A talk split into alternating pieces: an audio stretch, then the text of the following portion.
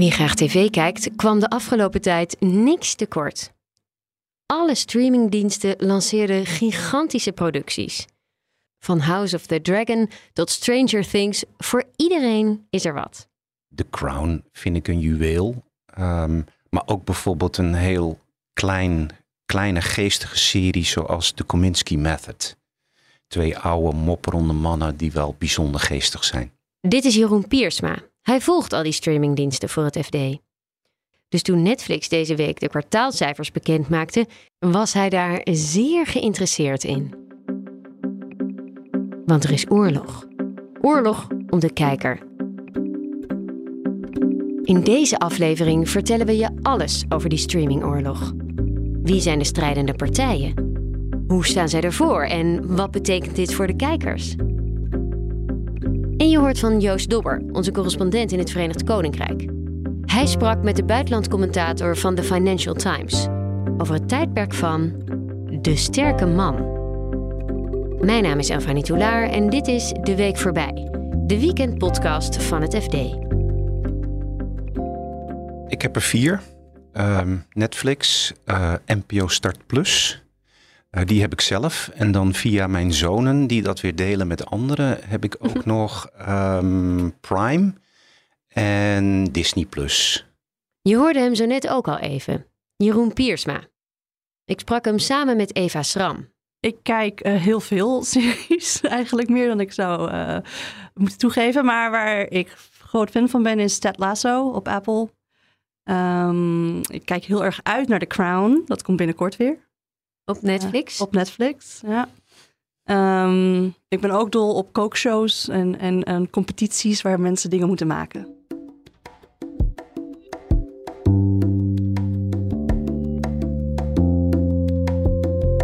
Eva woonde jarenlang in Californië en schreef voor het FD over Silicon Valley. Voordat Jeroen en Eva je meer vertellen over de verschillende streamingdiensten, nemen we eerst even een stapje terug. Want die streamingdiensten voeren met elkaar een felle strijd. En wij, de kijkers, hebben daar baat bij. Nu in ieder geval. Nog nooit was er zoveel keuze. Nou ja, die producties zijn natuurlijk al een paar jaar geleden gestart. Um, toen was er heel veel geld en waren die uh, platforms ook tegen elkaar aan het opbieden uh, om de mooiste en beste series te maken, want daar win je kijkers mee. En hou je kijkers vast. Dat is natuurlijk ook een belangrijk uh, doel van veel van die platforms. Ja, maar daar zijn ze toch nu nog steeds mee bezig? Ja, maar nu moeten ze wel wat meer, wat meer op de centen gaan letten, net als iedereen eigenlijk. Dus de, wat, de beslissingen die vandaag genomen worden, dat zijn de, de series die we over twee jaar zien. Dus wat jij in de toekomst te zien krijgt, hangt af van hoe de bedrijven het nu doen. En de bomen groeien niet meer automatisch tot in de hemel. Nou ja, Netflix heeft natuurlijk een slecht eerste half jaar achter de rug. Hè, met uh, een krimp van het aantal abonnees. Terwijl ze in de tien jaar daarvoor uh, altijd gestegen zijn. Dat heeft uh, geleid tot grote schrik bij Netflix, maar ook wel breder in de branche. Nu zijn gisteren, nee eergisteren is het, de derde kwartaalcijfers van Netflix gepubliceerd. En toen viel het weer een beetje mee. Ze zijn weer opnieuw gegroeid. 2,5 miljoen abonnees hebben ze erbij gekregen. Dat was zelfs meer dan ze zelf voorspeld hadden. Uh, dus daar lijkt uh, het tij weer een beetje gekeerd. Wat betreft de andere uh, streamingdiensten, ja, die zijn nog heel hard bezig met het inhalen van Netflix. Um, dus ja, dat is vooral heel veel investeren en heel veel verlies maken.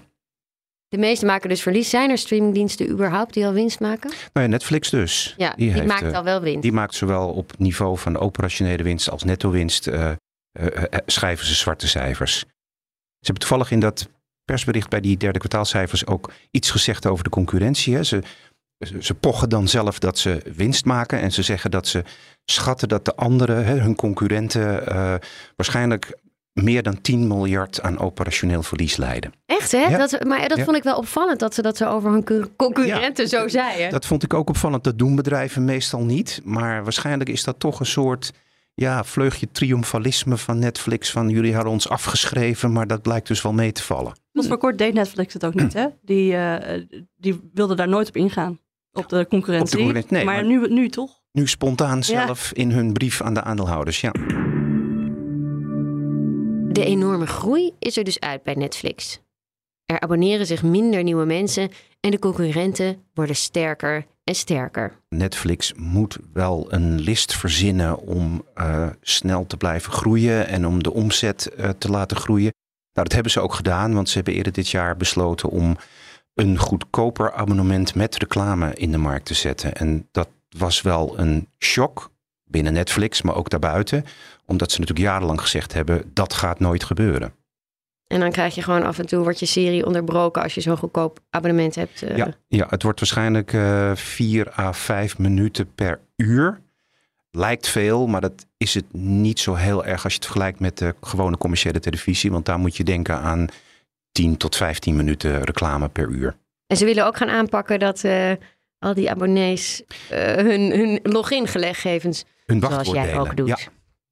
Nou, of ik dat ook doe, dat weet ik niet. Oh, nee, dat was misschien niet bij deze streaming. Nee, dat gaat, om, dat gaat om het illegaal delen uh, van zo'n wachtwoord. Hè? Dat je dus je wachtwoord uitleent aan uh, kennissen en familie.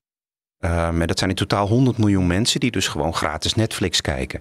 En Netflix doet dus nu een poging om um, die mensen ook te laten betalen. Maar dat is een hele lastige. Dat levert in ieder geval een PR-probleem op. Want een heleboel mensen vinden dat vervelend. Ze hebben nu een of andere methode verzonnen dat je kunt dan als abonnee kun je uh, anderen aanmelden voor een abonnement. En dat is dan gereduceerd tarief. En dan krijg je een soort subabonnement van jouw abonnement. Nou ja, moet even kijken of dat, of dat iets teweeg gaat brengen. Kan het wel uit voor die diensten um, als we allemaal een goedkoper abonnementje nemen?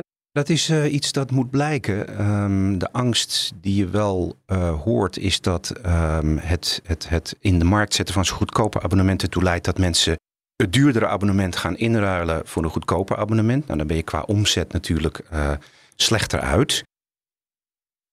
Ja, we moeten even zien hoe, hoe hard dat gaat. En daartegenover staat natuurlijk dat je een nieuw stuk van de markt aanboort, die tot nu toe geen abonnement heeft. En je ontvangt reclamegeld. En hoe, hoe dat precies uitpakt, nou ja, dat is iets dat moet komend jaar en de jaren erop gaan blijken. Een van de belangrijkste concurrenten van Netflix is Disney die in 2019 de streamingdienst Disney Plus lanceerde. Eva, um, Disney uh, heb jij gezien vanuit Silicon Valley, ook van dichtbij. Um, hoe, gaat het er, hoe staat het ervoor met de streamingsdienst van Disney? Nou, qua gebruikersaantallen echt eh, bijzonder goed. In het tweede kwartaal rapporteerden ze ook dat er 14 miljoen bij waren gekomen. Zij moeten nog rapporteren over het derde kwartaal, dat is pas over een paar weken. Maar dat was dus toen, terwijl Netflix abonnees verloor, kreeg Disney er 14 miljoen bij. Uh, nou, dat heel goed. Qua winst niet, want die is er niet. Nee. Ze draaien echt nog wel verlies. En dat wat verlies was in het tweede kwartaal ook wel groter dan verwacht werd. Waarom wilden ze eigenlijk een eigen streamingsdienst? Want vroeger waren natuurlijk al die Disney-klassiekers bijvoorbeeld bij Netflix te zien. Disney als bedrijf haalt het meeste van zijn omzet eigenlijk nog uit klassieke tv in Amerika. Uh, vooral een sportzender ESPN en dan een nieuws Entertainment Center ABC. Maar goed, dat is natuurlijk een aflopende zaak. En ik denk dat zij gewoon dachten, wij kunnen meer geld verdienen met ons intellectueel eigendom. Ze hebben heel veel intellectueel eigendom. Als we dat zelf gaan uh, streamen in plaats van licenties te verkopen. En ze hadden de streamingkennis dus ook al in, in huis, want ze hadden al wel een streamingkanaal. Ja, dus zij zetten meer in op wat ze al hebben of maken ze ook veel nieuwe dingen? Beide. Dus wat Disney voor heeft op Netflix is dat het karakters en films en uh, eigendom heeft wat je eindeloos kan kijken. Zeker voor kinderen. Hè. Ik keek vroeger elke dag Aladdin. uh, dus dat, en dat, nu is dat Frozen. Hè. Kinderen willen dat elke dag zien. Maar ook Star Wars en uh, die superheldenfilms van Marvel. Dat zijn films die je keer op keer kan kijken. Maar ze maken daar ook nieuwe content mee. Ze maken ook nieuwe series waar ze dus ook veel geld aan uitgeven. Maar daar breiden ze hun um, kijkersbestand wel mee uit.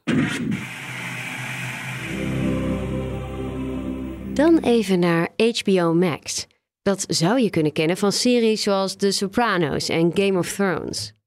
Wat je waarschijnlijk niet weet, is dat HBO in één bedrijf zit met Warner Brothers.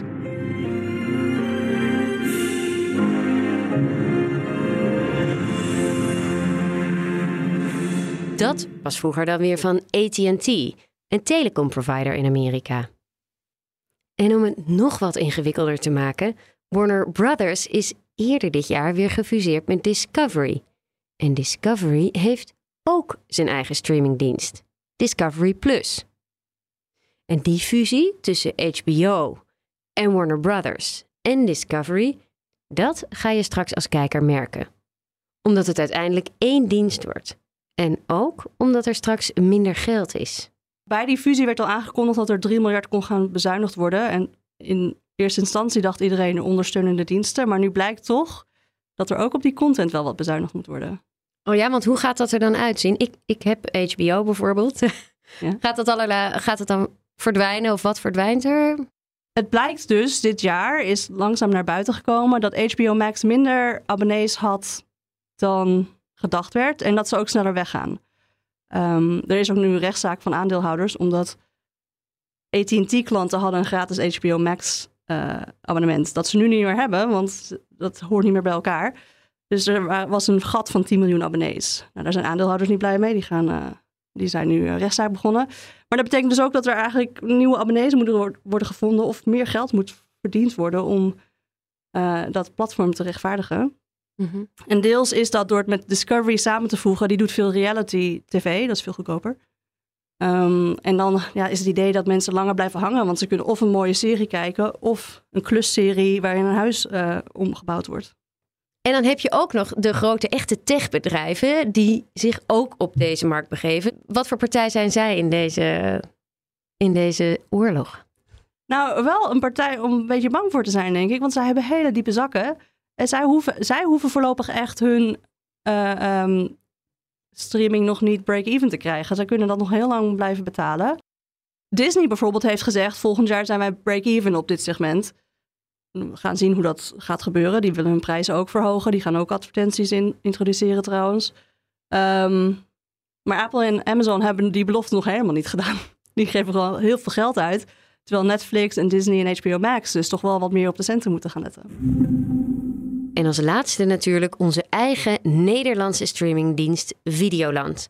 Die richt zich misschien op een kleiner gebied, in aantal abonnees is het wel de tweede streamingdienst van Nederland. Ja, Videoland is tot nu toe uh, het uh, uh, zeg maar Nederlandse succes op het gebied van eh, streamingdiensten. Ehm, die hebben de afgelopen jaren 1,1 miljoen abonnees eh, bij elkaar gebracht.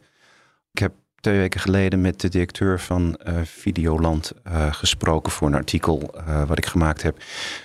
was het dit jaar wat minder. Um, ze stonden eind vorig jaar op 1,1 miljoen en dat staan ze nog steeds. En ze hebben eigenlijk, had ik de indruk uit zijn verhaal, een dip gehad in, de eerste in het eerste half jaar.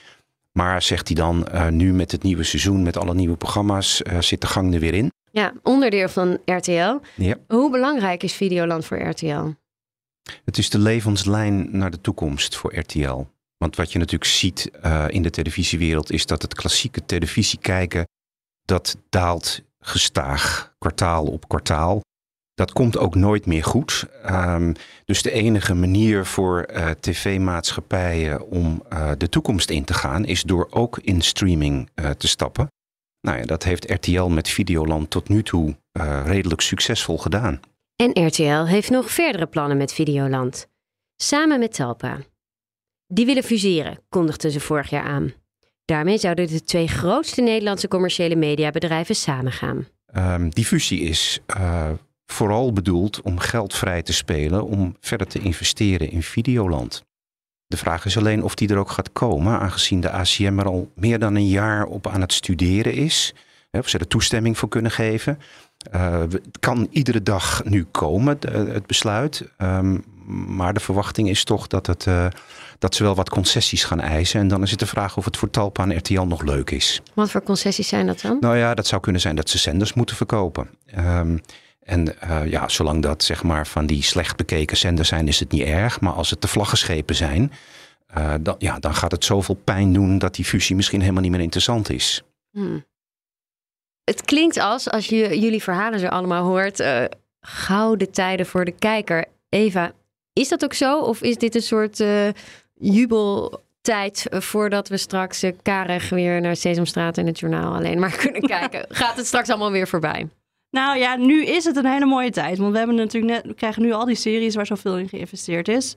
Met de huidige uh, investeringsklimaat en dat, het feit dat die bedrijven moeten gaan bezuinigen, zou het wel eens een beetje af kunnen lopen. Maar het is natuurlijk ook niet zo dat alleen dure series de enige kijkwaardige series zijn. Er is wel steeds meer aanbod, dus dat stemt mij vrolijk. Ja, we moeten er ook maar van genieten. Wat denk jij, Jeroen? Nou ja, het is, ik, ben, ik ben het helemaal eens met Eva. Dat is een gouden tijd voor uh, tv-kijkers. Um, het enige misschien wat je er nog over kan zeggen is dat uh, het aanbod raakt wel steeds meer verspreid over een heleboel verschillende streamingdiensten. Waardoor als je het allemaal wil zien, je gedwongen bent om uh, een heleboel abonnementen te stapelen. En dat is misschien in deze tijd met hoge inflatie, hoge energiekosten, niet iets wat mensen zich zomaar meer kunnen veroorloven. Nee. En als jullie een winnaar in deze streamingoorlog aan zouden moeten wijzen, waar zetten jullie dan je geld op? Eva? Op de korte termijn is het denk ik een strijd tussen Netflix en Disney. Op de lange termijn zou ik Apple niet uitsluiten, want die begint nu echt ook goede series te maken. Die wint ook prijzen.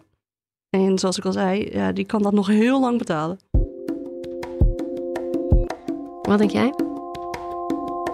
Netflix heeft nog steeds een straatlengte voorsprong. Um, maar ik ben het eens met Eva dat uh, die grote techbedrijven natuurlijk uh, onmetelijk diepe zakken hebben.